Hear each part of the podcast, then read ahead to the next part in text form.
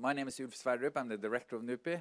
It's great to welcome you here, and uh, not least, it's great to welcome Ambassador Christopher Hill to Oslo and to Norway. He just landed. Uh, he flew in from Warsaw this morning, landed at Gardermoen, and it's uh, great that you can be here. He is currently the dean of the Josef Korbel School of International Studies at the University of Denver, and he has, as you know, a most distinguished diplomatic career. He was, among other things, the ambassador to Macedonia, to Kosovo, to Poland, to Korea, and also to Iraq. He was the Assistant Secretary for State for East Asian and Pacific Affairs. He led the U.S. delegation to the six-party talks on North Korea. So he has been very much a key figure in some of the critical developments during the last, let's say, 20 or more years. He In negotiating the Bosnia Agreement, the Dayton Agreement, the Kosovo crisis that later led to the NATO intervention. He's been a key figure in the negotiations with uh, North Korea, and through that, also, of course, an important figure in the relationship between the U.S. and China, I presume. And he also oversaw the national election in Iraq. So we have a lot of things to talk about today. Uh, and uh, I should also mention that, as many of you know, Christopher has also written an excellent book.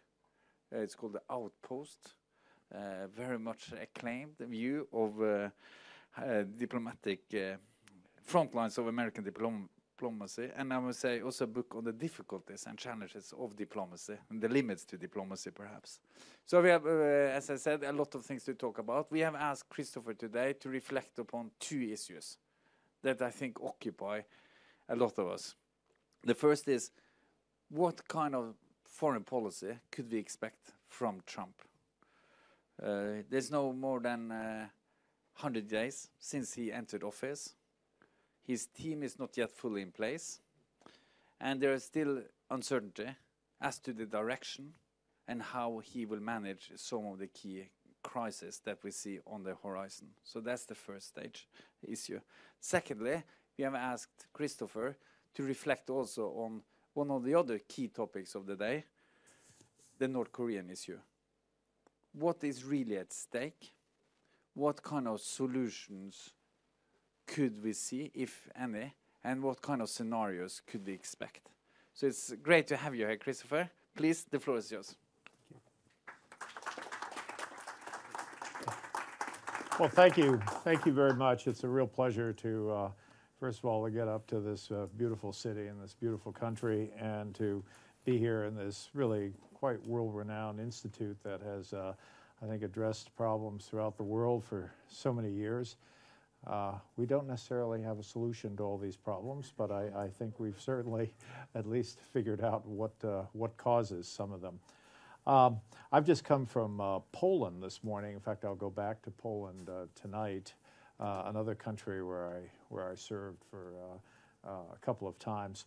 Um, but being in Poland, maybe I will start off with a little anecdote that I always like, which I think speaks to uh, the contemporary scene as well, which is there was a Polish party first secretary many years ago named Władysław Gomułka, a name that's probably at this point lost to history. And Gomułka was known for very long speeches and not particularly successful metaphors. And one day he stood in front of a crowd in the southern Polish city of Kraków, and he said, "Comrades, just a few years ago, our fatherland stood on the very edge of a deep abyss. And I'm here to tell you today, comrades, that we have taken an important step forward." So when I when I think of the uh, Uh, issue of looking at this new administration in Washington, and uh, especially some of these uh, issues that are out there, notably the Middle East problems, but of course, North Korea, which is where I think I'll focus, it is important not to take that important step forward, but rather to reflect on where we are and what we need to do about it. Um, I think it's fair to say that President Trump was not elected president on the basis of his expertise in foreign policy. He was, however, elected president on the basis of a lot of frustration in the United States that somehow our foreign policy had led us into areas that were not really issues uh, that uh, directly affected our national our national interests, and had led us onto uh, into questions that really were uh, were um, not not really germane to what our country needed to do. Uh, Trump came in with this kind of view of foreigners that is a deeply embedded view in the United States. The notion that uh, globalization is bad and that overall our engagement in, in the world represents not so much an engagement but rather an entanglement in the in the world and that somehow we need to extract ourselves from these issues and uh, kind of cut them down to specific problems that might affect our national security. He, uh, Trump, uh, as many American politicians have done before, has completely conflated the issue of national security, of international engagement, and of military uh, uh, strength, and essentially has looked at the military dimensions of these, of these issues and felt that that is where the U.S. has somehow been lacking under the Obama administration. It is way too early, really, to write the history of the Obama administration, but I think there's certainly a perception in the United States, and it was this perception that did help uh, get uh, President Trump elected, a perception that somehow uh, Obama was weak and that the, in this weakness, uh, the world has become an even more dangerous place than it was be, before President Obama was elected. And now we will have a very strong president who will not be weak, who will take decisive actions on issues and somehow protect the United States by his uh, decisiveness. But I think um, as President, Ob- uh, President Trump has come into office, he's found, and he's actually said this on a couple of occasions, that these problems, lo and behold, turned out to be more complex than he thought they were. It is rather amazing to have uh, a senior uh, politician, let alone a president, said, well, you know, after 10 minutes, I realized there was more to this issue in North Korea than I thought. And, uh, you know, for many uh, professionals in, uh, in Washington, these are kind of uh, astounding thoughts that somehow uh, he didn't know about its complexity. And when you combine it with the fact that not knowing about complexity, uh, you combine that with the fact he didn't seem to want to learn about uh, the issues. There is, uh, to put it mildly, a kind of lack of intellectual curiosity. And so when you combine those two things and then combine still a third element, which is his view that somehow he has an instinct for these issues that's far more um, uh, on target than the rest of us have, and that he can use this instinct to overcome a lack of uh, knowledge and a lack of experience. So um, when people act on instinct, uh, that can be good for a basketball player who might know to go left rather than go right uh, or something. It can be a little worrisome uh, in foreign policy because I would argue that um, uh, being uh, hard to predict can be, can be a good thing in, say, sports. It's not necessarily a good thing for the, as we call our president in the United States, the leader of the free world. Um, in fact, right now there are a lot of jokes in the U.S. that, to the effect that uh, uh, when uh, Chancellor Merkel came to Washington, one of the uh, newspapers said, uh, it's great to have the leader of the free world meet the United States president. So there's a kind of a sense that things are, are very different right now.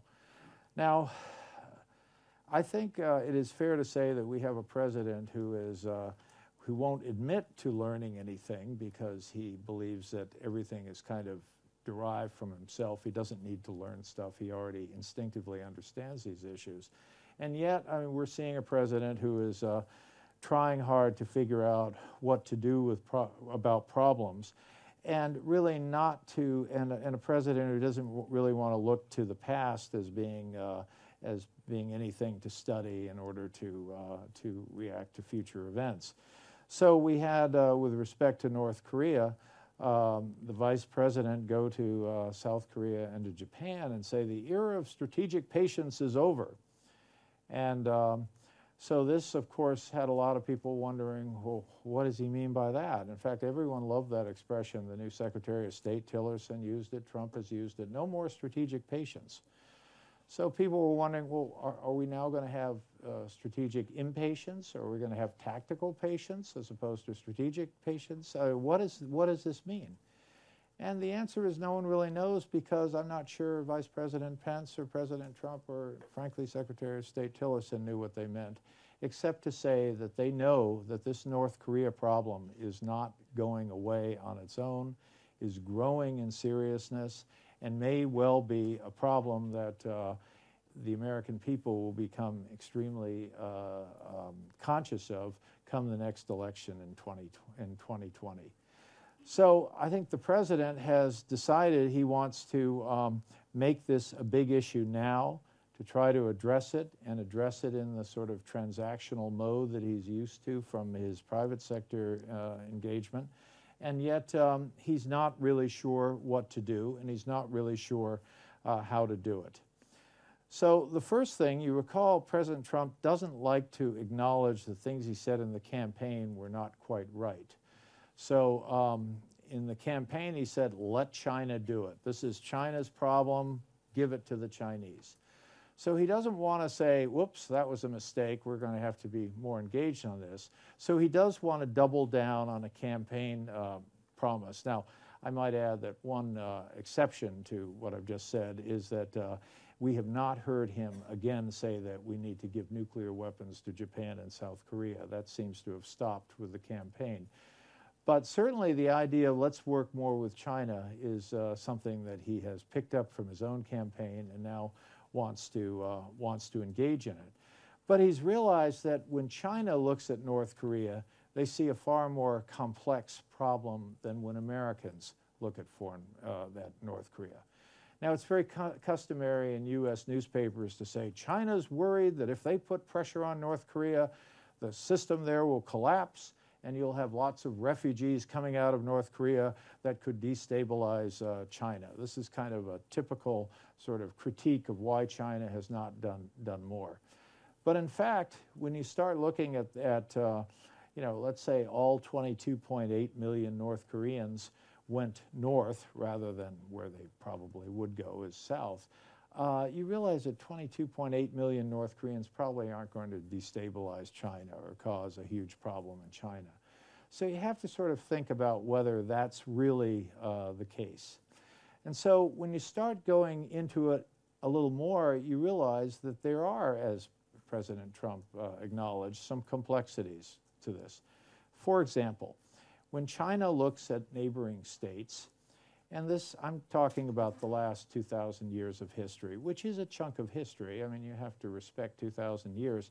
They don't necessarily see other sovereign states in a sort of 18, uh, 1648 mode. They see tributary states. They see states that somehow uh, are there to uh, sort of uh, uh, be respectful and, in fact, pay tribute to the Middle Kingdom.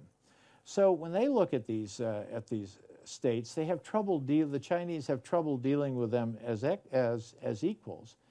But then when they look at these states, they have trouble thinking that the U.S. alliances with some of these states is anything different than their own view of these states. So when they look at South Korea, they not only do not see a, uh, a separate sovereign state, they see what is, what is really happening is the U.S. has its own tributary state called South Korea. And so when the Chinese think, well, if North Korea goes away, South Korea could become the, uh, could become the successor state, and that would put a U.S. tributary state right up on the Chinese border and uh, with uh, CIA listening posts on the Chinese border. And this would be broadly understood within China as a victory for American strategic interests, a defeat for Chinese uh, strategic interests. I submit to you that that's a far more active concern within Chinese thinking than the idea that they're worried about refugees should all 22 million North Koreans decide to leave and to leave by going north. So, has the U.S., is it possible for the U.S. to try to allay Chinese concerns about this? I think it is, but I think it's going to take some serious, some serious effort on, on the part of the U.S. to reach the Chinese and have a deep dive as to what our interests are in um, with uh, uh, North Korea or with succession on the Korean Peninsula and what our interests are not. For example, I don't think you would ever see U.S. troops up on the Yalu River. I don't even think you would ever see uh, listening posts up on the Yalu River. I think from the mood in the United States, it would be difficult to keep even the troops in what is today the Republic of Korea, that is South Korea. I think it would be even difficult to keep those troops there. There'll be a lot of people saying, why do we have troops there? And in fact, Donald Trump has himself raised the issue, why are we there protecting South Korea uh, when they're not paying for it? In fact, he's wrong. The South Koreans are doing a lot uh, to pay for it. But secondly, he's, he's wrong because the U.S. has troops there for our own security and not just for South Korean security. But the point is, I think we, the United States, would have difficulty keeping any troops on the Korean Peninsula rather than be forward deploying them up to the Yalu River. We need to have a serious conversation with the Chinese uh, about that.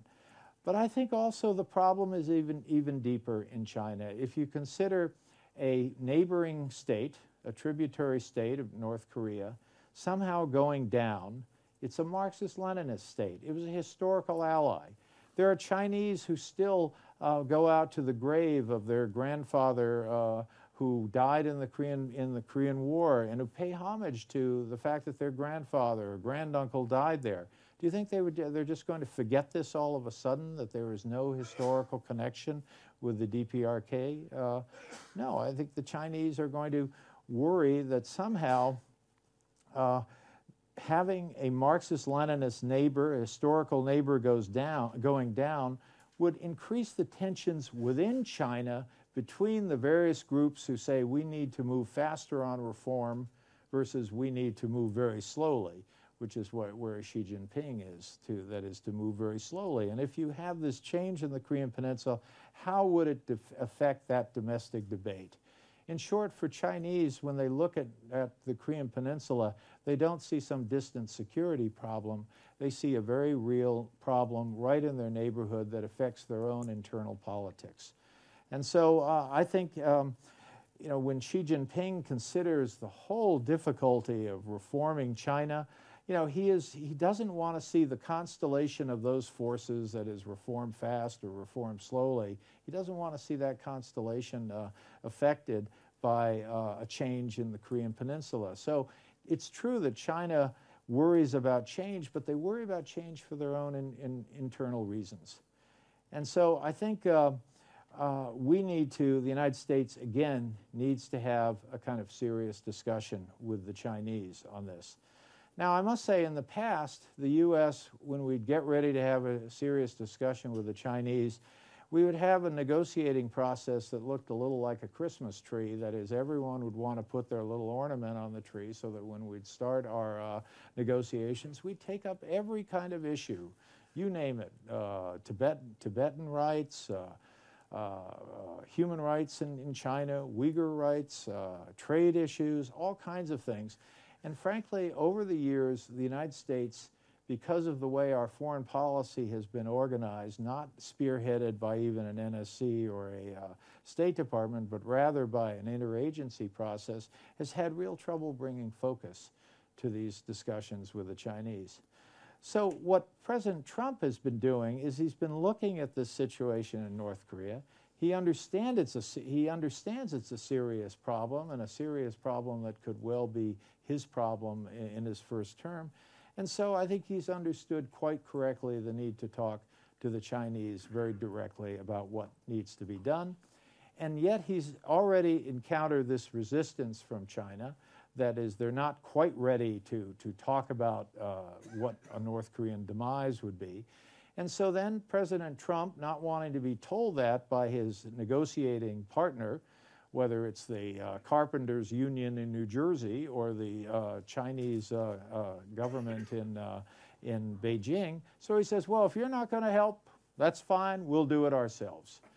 And that's where the problem starts getting very big because what in the world does he mean by we're going to do this ourselves? Um, he seems to have, and, and he said it, his vice president has said it, his secretary of state has said it. They have good messaging, by the way, uh, for the most part, although Nikki Haley is sometimes off in a different uh, world. But uh, with respect to uh, you know the, the, the defense secretary, the secretary of state, the vice president, and the president, I mean they've they've made it very clear that quote everything's on the table. Well, first of all, you have to understand everything's on the table is kind of a, a, a, poker metaphor that Americans use all the time. It's not really that earth shattering that they would use this expression until you start kind of saying, okay, what do you really mean by this? And this is where it appears that what they mean is to have uh, somehow an element that is on the table that could have the U.S. Uh, preemptively attacking North Korea. They don't seem to want to rule that out. Uh, General Mattis has tried to walk that back, but the president has not tried to walk that back, and neither has the vice president tried to walk that back. So, how would that work? We have in North Korea a um, there's a nuclear facility called Yongbyon. Uh, that's not to be confused with Yongpyong in South Korea, where some of the downhill Olympic events will be next year.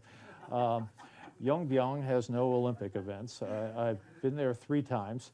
Um, and so the idea might be to strike uh, the nuclear facility there. Uh, how we'd hit it, hard to say because, uh, you know, there's, uh, there are, um, we believe there, there are, there's weapons grade plutonium stored there. Do you really want to hit a facility that has weapons grade uh, plutonium? Bear in mind, we have no people on the ground. We haven't had any people on the ground there for almost uh, for eight years or so. So we don't really know where things are. And so hitting that particular thing in or, uh, that facility in order to uh, destroy it and uh, and push the threat back from uh, from North Korea, a little bit problematic. I mean, it was one thing for that Norwegian and uh, British commando team to go up and take care of that uh, heavy water facility being done by the Germans here. And uh, it's quite another thing to go in Yongbyon, where not only do they have uh, uh have they extracted plutonium, some 30 kilos, depending on who you believe, but it's the plutonium's there, and also we know that they've been doing making efforts at uh, highly enriched uranium in in Yongbyon. So hitting that is problematic. But then, what if the uh, North Koreans uh, decide to retaliate? Well, you could say, well, they won't want to retaliate because the U.S. Uh, uh U.S. would then retaliate against their retaliation. Well, maybe, maybe not. Uh, there are some 20 million South Koreans living within range of 14,000 North Korean artillery and missile uh, launchers. So if the North Koreans shot some artillery, no question we would attack that artillery. We, uh, the South Koreans have the mission of counter battery fire. It's one of the most computerized and uh, high tech uh, missions, but it does not necessarily stop an artillery shell from being launched. It probably will stop the second one from being launched. Uh, and where and it would hit a South Korean population center. So if the U.S. wants to strike North Korean nuclear facilities, it kind of has to do it with the South Korean government uh, uh, okay on that.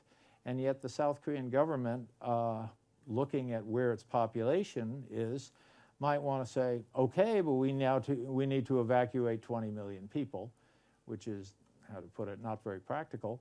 So um, we would uh, find ourselves in a real problem if we if we asked a question unless we're willing to live with that answer.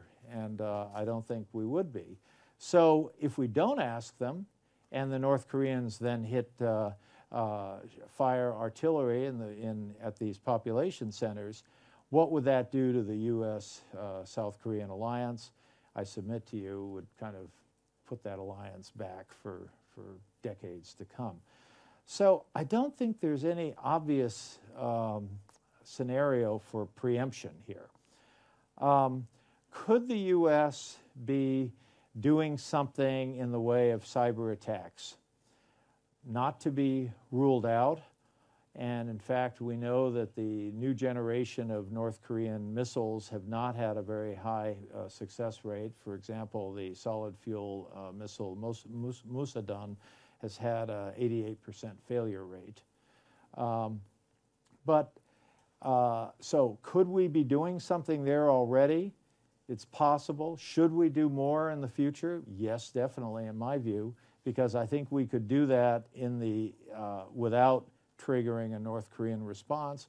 But are we sure we would not trigger a North Korean response? No, we're not. So I think these kinds of direct uh, attacks on North Korean facilities are quite problematic, and I think we need to think that through. Um, what could, I mean, would the Chinese be willing to do something beyond, um, beyond doing what they have to do, which is to live up to U, uh, the UN uh, Security Council sanctions?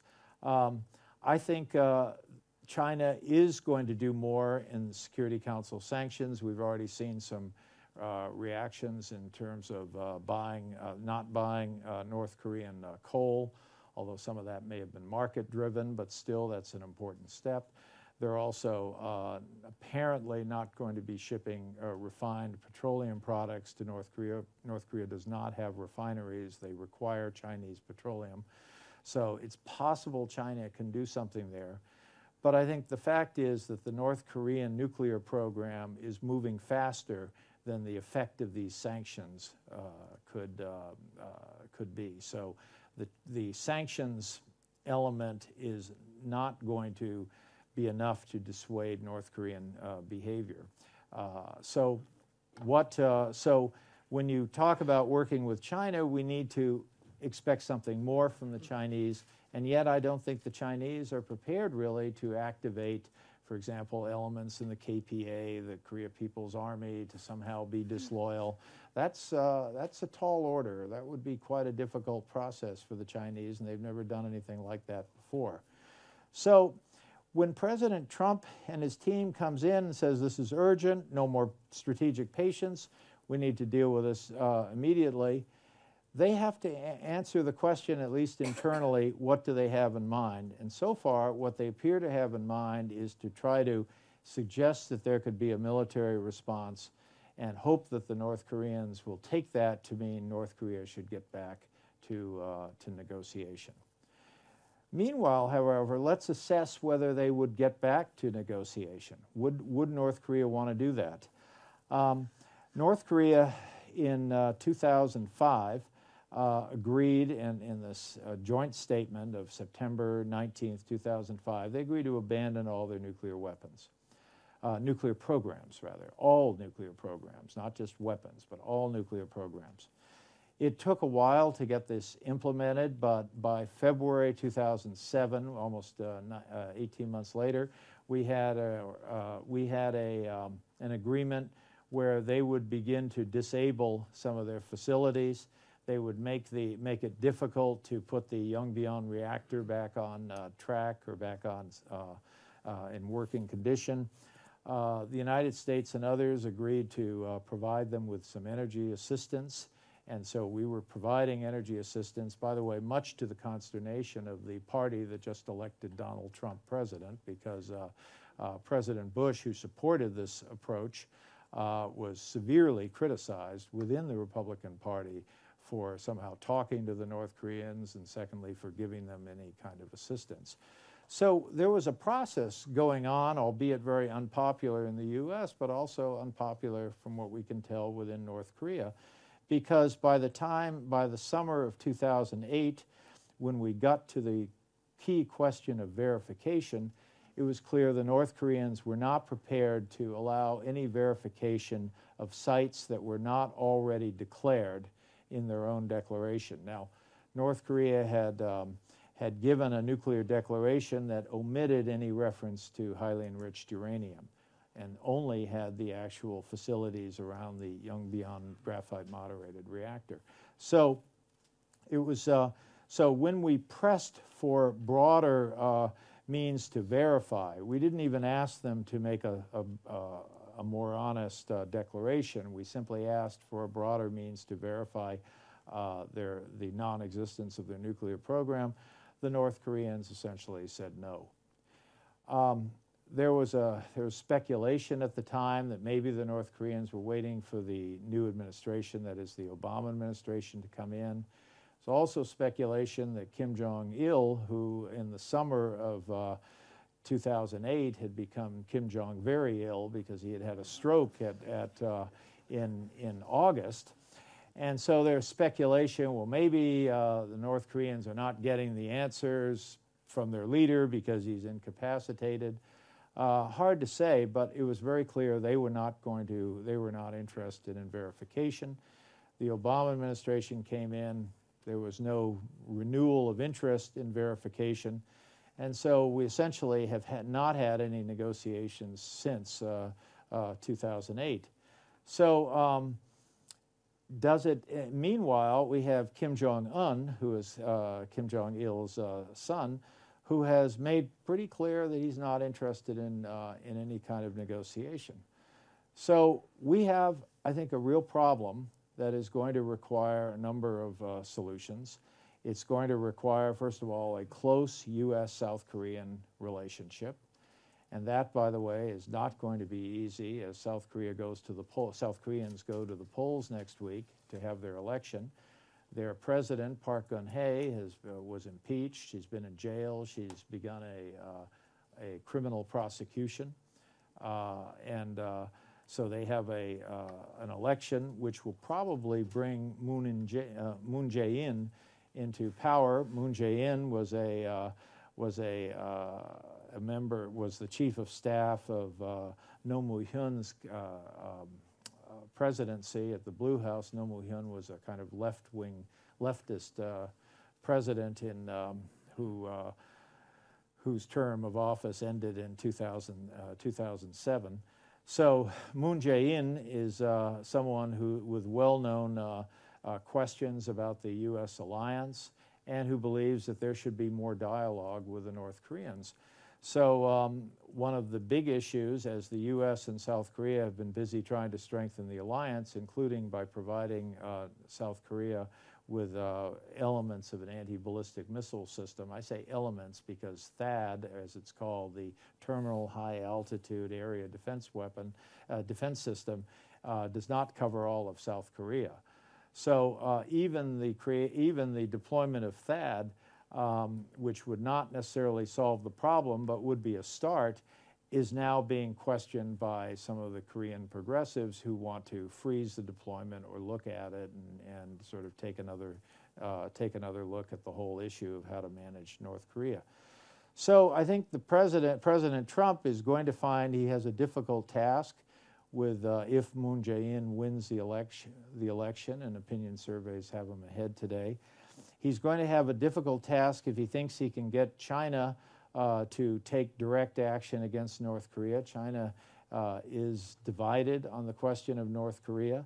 And while you can meet many business leaders in Shanghai who say we are done with North Korea, we want any, we don't want anything to do with them, for every business leader in Shanghai who feels that way, you can find some security type in Beijing who thinks they're a historical ally. And by the way, China doesn't want to Rio doesn't want to open a lot of uh, uncertainty on the Korean Peninsula right now.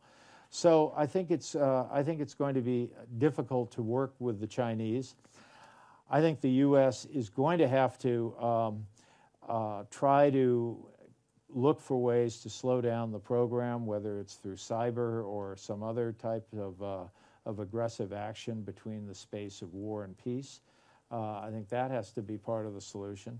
And I think overall there needs to be a, uh, I won't call it strategic patience, but there needs to be an understanding that any solution here is going to require the careful choreography of several elements and we just have to hope that this administration is up to that in terms of uh, the wisdom it will, uh, it will take.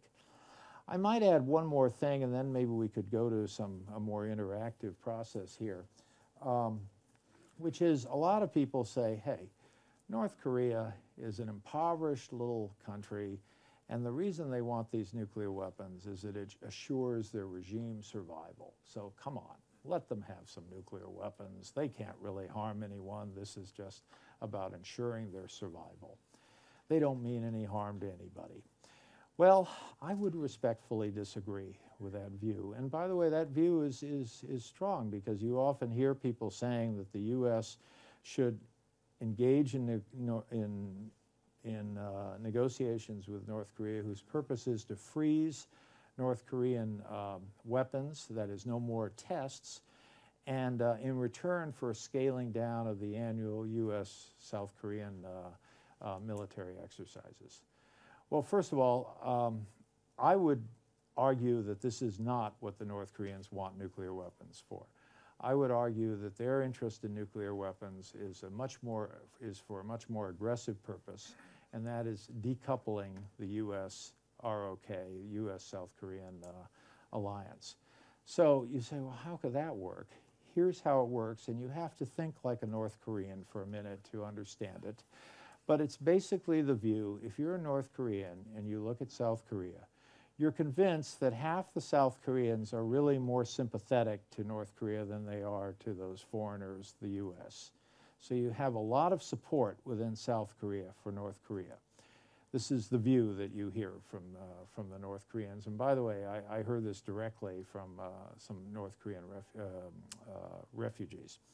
So if North Korea were to attack South Korea by conventional means, that would mean the U.S. would say, we're in. We, we, uh, we are part of the, you know, the U.S. ROK alliance, means we, uh, we're in. We're at war with North Korea. And then the North Koreans say to the U.S., if you, if you are in this fight, which is none of your business, it's between us and our brothers in South Korea, we will consider you an en enemy and we will launch a nuclear strike against you. And then the U.S. says, well, wait a minute, uh, you launch a nuclear strike against us and we will wipe out your country. There will be, you won't even want to put a parking lot on North Korea after we're done. And so then the question is, if, especially if you're a South Korean or if you're Japanese, do you believe that the U.S. would take a chance with having a nuclear strike on in the lower 48 states, whether it's Los Angeles or someplace in the U.S.? Do you think a U.S. president would accept that possibility, that risk, in return for flattening North Korea? Would a U.S. president say, well, that's a good deal, you know, Los Angeles for flattening North Korea? So if you're a South Korean or a Japanese, do you believe that? And so you can see how that decoupling process could, uh, could begin to unfold if the North Koreans could credibly hold at risk uh, U.S. targets. Now, you might argue, look, there's no way one of their uh, multi-stage missiles could actually reach the U.S., let alone be targeted and hit an urban center. I don't know. Uh, you have uh, they they have successfully had multi-stage missiles. They it's they seem quite uh, quite intent on perfecting them. There were 25 missile tests uh, in uh, 2016. There have already been several in 2017. We know that they are experimenting with a new generation of missiles, uh, especially solid fuel. And we know that they've got the technology to do multi-stage. And we know, too, that they've been experimenting with warhead designs with their, uh, that is, miniaturization of, their, of these, uh, of these um, uh, nuclear devices that they've uh, tested five, five of them. Uh, so I don't think you could say necessarily that North Korea is not a threat to hit the U.S. mainland. So, um, what would that mean for the U.S. Uh, relationship or U.S. Alliance with South Korea? And without getting too far afield here, I don't want to take this too far, but think back to the uh, INF uh, controversy in the early 80s. Think back to the question of when the Soviets began to deploy SS 20s, there was a lot of concern that somehow an SS 20 uh, against Europe would not necessarily trigger a U.S. strategic response because the U.S. would be concerned that, that then the Soviets would use their own strategic arsenal against the U.S. And so you recall it was solved by putting in, or by essentially threatening to put in uh, Pershings and GLCMs, uh, ground, ground launched cruise missiles. So uh, again, there are a million differences between what's happening in North Korea and the, and the, and the intermediate uh, force issues of uh, early 1980s. but I think you can see that this could be a problem for us. And then um, just to mention the, uh, you know, the other day, uh, uh, Vice President Pence went and had a kind of fence mending trip to Australia, and Prime Minister Turnbull said something nice about the U.S. and hoped that the U.S. can help solve the North Korean issue. Whereupon the North Koreans immediately threatened Australia with a nuclear attack. Um, so maybe they just want it for their own regime survival, and maybe all this other stuff is simply uh, how they talk to people, because even brutal dictatorships have politics. But I don't necessarily uh, feel that you could take that to the bank and not worry about it. So I think we have a real problem. Uh, and in the fullness of time, I think we need to slow down this thing, and I think uh, slow down the North Koreans through some kind of, uh, of uh, cyber attacks of some kind need to slow that down. We need to sharpen the choices. We need to get China to see this more broadly than they do now. And uh, ultimately, we need everyone comfortable with the idea that North Korea will probably, probably in the fullness of time, have to go away. Excellent. Thank you. I guess all of you would agree that it would very wise choice to spend the time here instead of enjoying the spring sun. Thank you so much. Thank you so much, Christopher. Thank you very much. Thank you very much. Appreciate it.